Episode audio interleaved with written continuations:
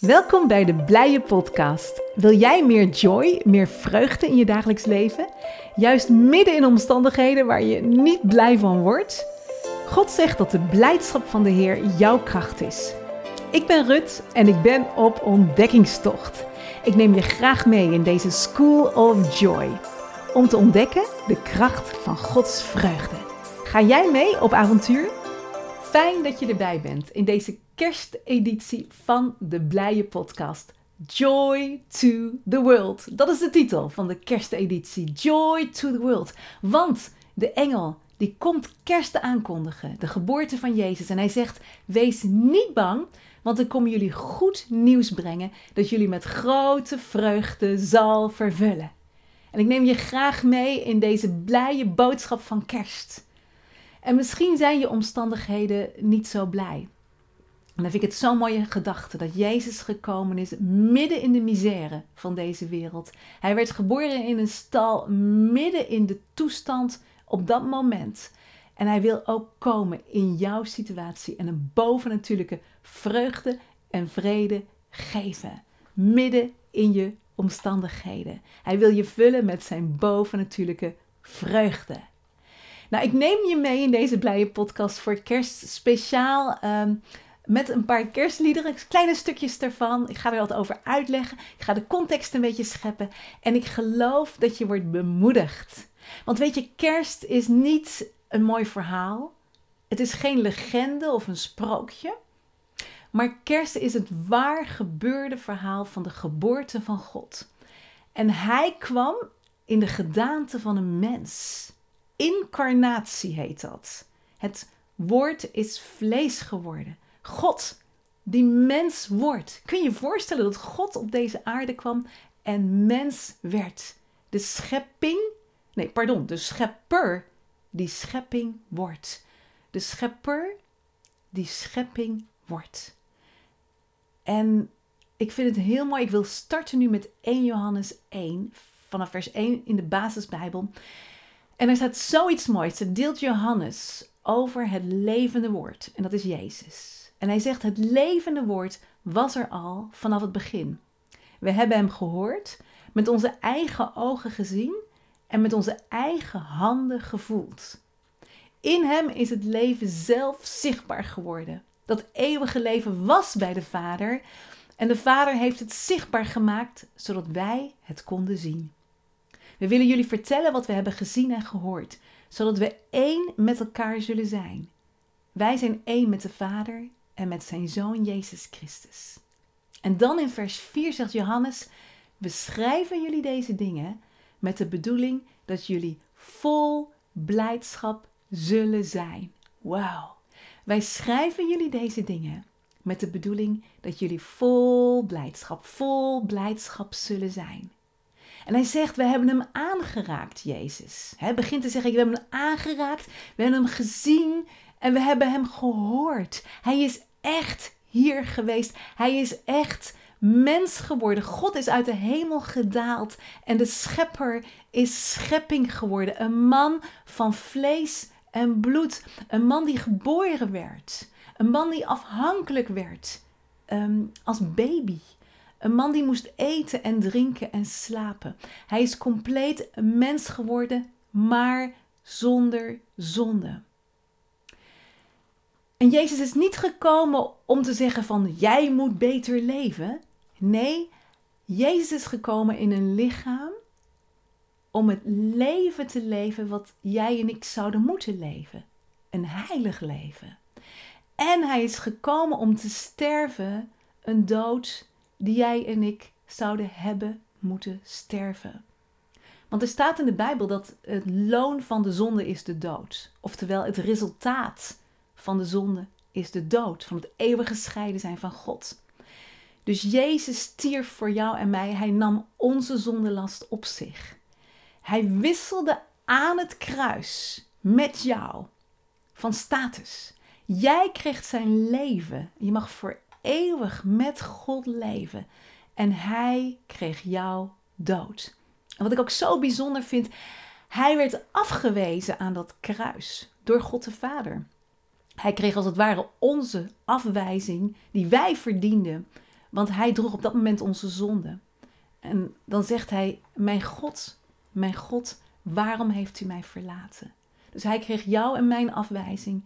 En wij, wij kregen de acceptatie, de aanvaarding van God de Vader. Om voor eeuwig bij Hem te zijn. En zonen van dochters te mogen zijn bij Hem. Koningen en priesters, zegt het woord. Is dat niet een enorm wonder? Dat is het wonder van kerst. Dat Jezus kwam om jouw leven te leven en jouw dood te sterven. En nu mag je met Hem leven. Ha! En dan zegt Johannes van, ik wil dit vieren. Ik wil je erover vertellen. Zodat de eenheid die wij ervaren met Jezus, dat jij die ook zal ervaren. En dat woord eenheid, in het Engels staat daar fellowship. En in het Grieks staat er koinonia. En dat betekent zoiets als verbinding, gemeenschap, omgang, een complete eenheid met God. Door Jezus leren wij de Vader kennen. Als we naar Jezus kijken, dan zien we zijn goedheid en zijn liefde. De goedheid en de liefde van de Vader. Johannes spreekt over het eeuwige leven.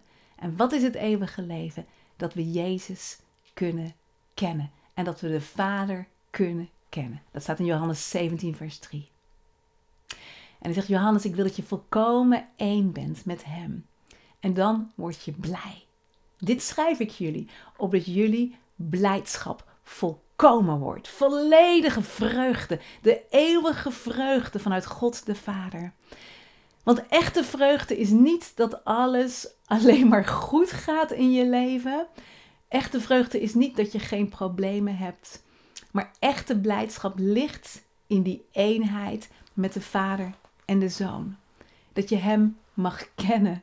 Want Hij is naar de aarde gekomen, zodat jij Hem kunt leren kennen. En dat is de blije boodschap van kerst. En dat vind ik leuk, want uh, zo prachtig, want de engel die spreekt dan tot de herders in Lucas 2, vers 8 tot 14. Ik lees even uit de MBV. Niet ver vandaan brachten herders de nacht door in het veld. En ze hielden de wacht bij hun kudde. Opeens stond er een engel van de Heer bij hen en werden ze omgeven door het stralende licht van de Heer, zodat ze hevig schokken. De engel zei tegen hen: Wees niet bang, want ik kom jullie goed nieuws brengen dat het hele volk met grote vreugde zal vervullen. Vandaag is in de stad van David voor jullie een redder geboren. Hij is de Messias, de Heer. En dit zal voor jullie het teken zijn. Jullie zullen een pasgeboren kind vinden dat in een doek gewikkeld is en in een voerbak ligt. En plotseling voegde zich bij de engel een groot hemelsleger dat God prees met de woorden: Eer aan de hoogste God in de hemel en vrede op aarde met alle, uh, voor alle mensen die hij lief heeft. Eer aan God in de hoogste hemel en vrede op aarde voor alle mensen die hij lief heeft. Nou, ik vind vers 10 zo mooi. Wees niet bang, want ik kom jullie goed nieuws brengen. Dat het hele volk met grote vreugde zal vervullen. In de herziene statenvertaling staat er: Ik verkondig u grote blijdschap, die voor heel het volk wezen zal. In de New King James staat er: Do not be afraid, for behold, I bring you good tidings of great joy. I bring you good tidings of great joy, which will be to all people. Wie had dit kunnen bedenken? De schepper die schepping wordt, geboren uit een vrouw, een mens van vlees en bloed. En ik vind het zo enorm als je probeert te bedenken hoeveel tijd God nodig heeft gehad om dit voor te bereiden. Duizenden en duizenden jaren. Denk maar eens aan al die profetieën die gegeven zijn over de geboorte en de komst van, van God op deze aarde. En God had zoveel klaargezet en door zoveel mensen gewerkt. En ik denk ook heel simpel, um, in Gelaten 3 vers 13 staat er, vervloekten ieder die op het hout hangt. Dat was een heenwijzing naar Jezus die op een kruis zou sterven. Maar de Joden kruisigden geen mensen. En deze tekst is weer een aanhaling van Deuteronomie 21, vers 22 en 23. Dus er moest een tijd komen dat, er, dat Jezus gekruisigd kon worden. En dat deden de Joden niet, maar de Romeinen wel. Dus God moest de tijd, hij, moest mensen voorbereiden, de tijd moest klaar zijn. En dan uiteindelijk is daar die tijd, en dan zegt gelaten 4, toen de volheid van de tijd gekomen was, zond God zijn zoon uit, geboren uit een vrouw, geboren onder de wet, om hen die onder de wet waren vrij te kopen, opdat wij de aanneming tot kinderen zouden ontvangen. En dat vind ik dan bijzonder, want God heeft jaren, jaren, duizenden jaren hieraan gewerkt, door mensen heen gewerkt, om alles voor te bereiden en klaar te zetten. Hoe kondig je dan een boodschap aan dat het eindelijk zover is, na duizenden en duizenden jaren van wachten? Hij had kunnen zeggen: Hoor eens mensen, ik ben zo lang bezig geweest. Ik heb een ernstige boodschap voor jullie. Of ik heb een belangrijke boodschap voor jullie. Jullie moeten nu echt luisteren, dit is belangrijk. Dat had hij kunnen zeggen. Maar dat zegt hij niet. Wat zegt hij? Ik kom jullie goed nieuws brengen. Dat heel het volk met grote vreugde zal vervullen. En dit is onze geweldige God. Hij denkt in blijdschap, in vreugde, in goed nieuws. En de blije boodschap is goed nieuws. En ik wil een klein stukje van dit prachtige lied laten horen. Joy to the World. Dit is mooi. Dit is vanaf The Chosen. Dat is een uh, videoserie die je kan downloaden gratis over het leven van Jezus. Joy to the World, een klein stukje van The Chosen. Joy to the world, the Savior.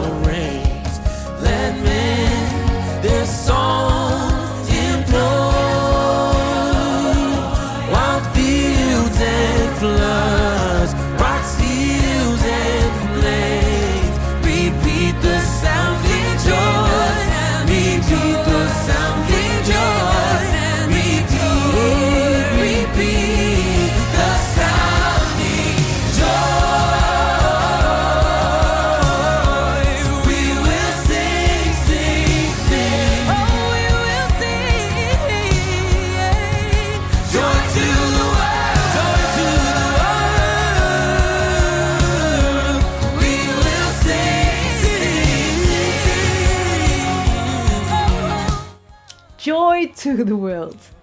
En ik wil nu een stukje met je lezen hoe Maria en Jozef dit blije nieuws ontvangen hebben.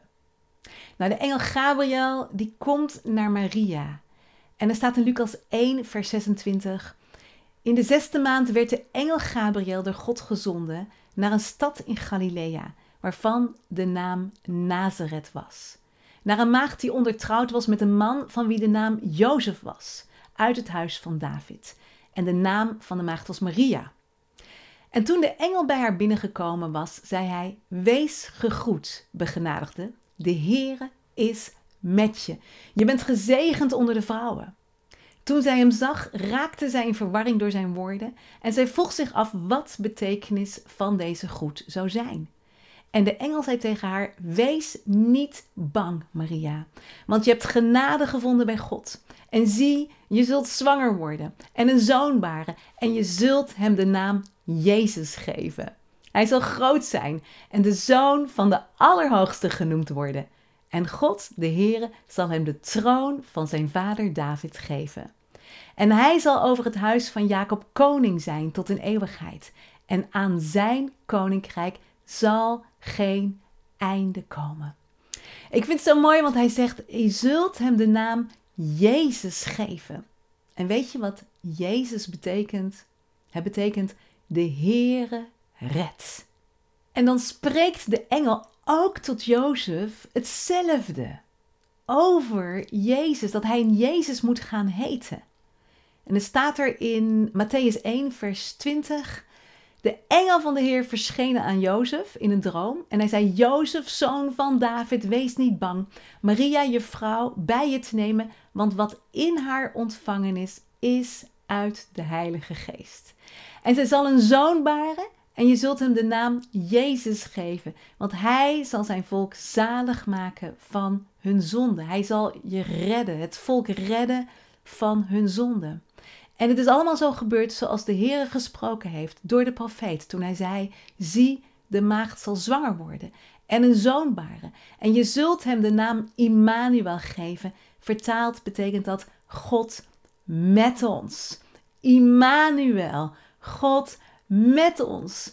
En hij haalt hier Jezaja 7 vers 14 aan. En um, dat is dus geprofiteerd door Jezaja 700 jaar ongeveer voordat de Jezus geboren ging worden. Wow, Immanuel. En wat betekent Immanuel? Immanuel betekent God met ons. God is voor je. God wil nou bij je wonen. God is niet meer ver weg, maar hij woont nu in je door zijn Heilige Geest. Hij, zal, ik, hij zegt: Ik zal je nooit loslaten. Ik zal je nooit verlaten. Maar ik kom naar je toe en ik ben nu En dat is wat Immanuel betekent. En heb je de oude hymn, O come, O come Emmanuel. En die is geschreven in de 12e eeuw in het Latijn destijds. De melodie was een Franse melodie.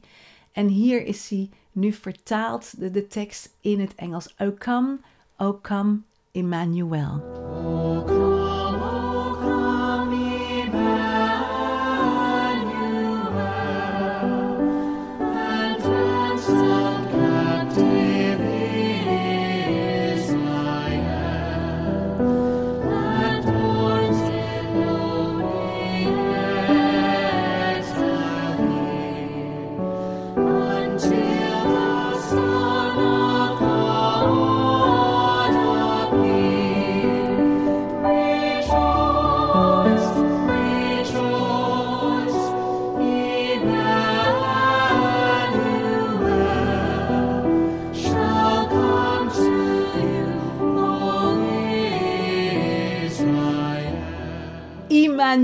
God zij met ons.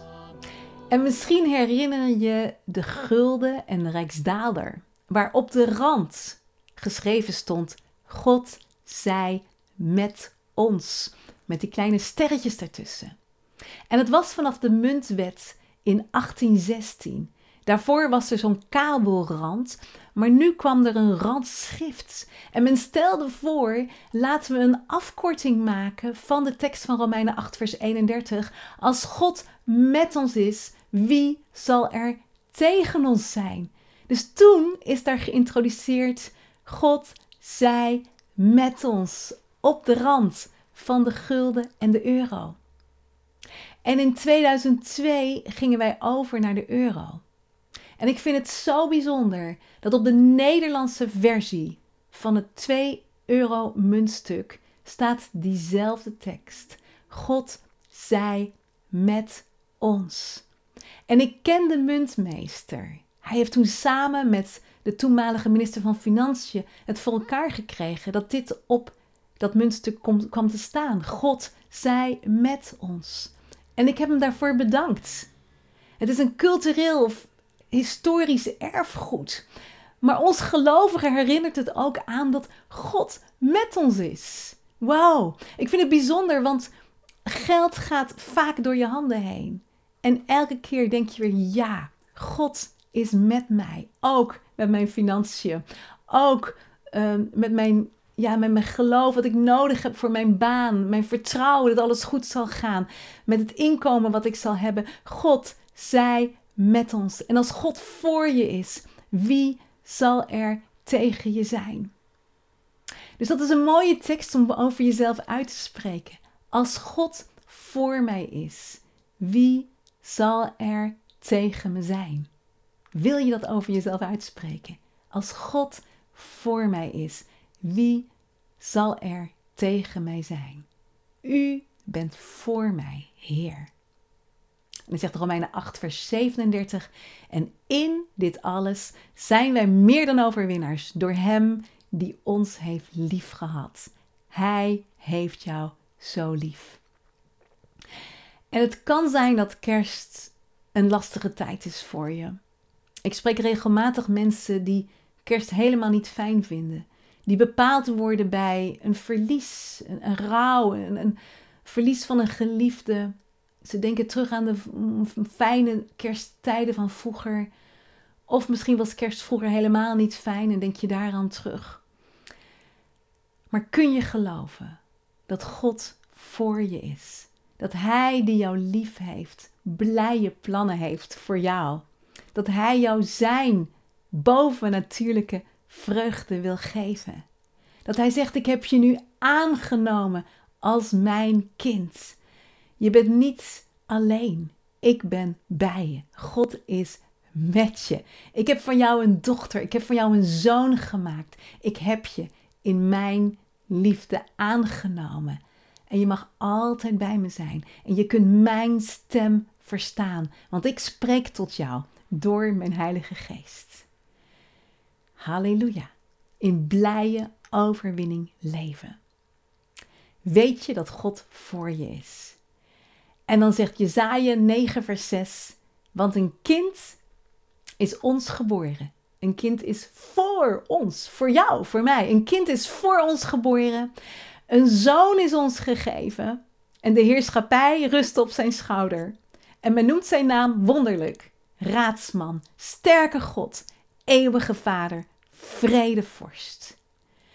En ik wil afsluiten met het geweldige stuk van Handel uit de Messiah. For unto us a child is born.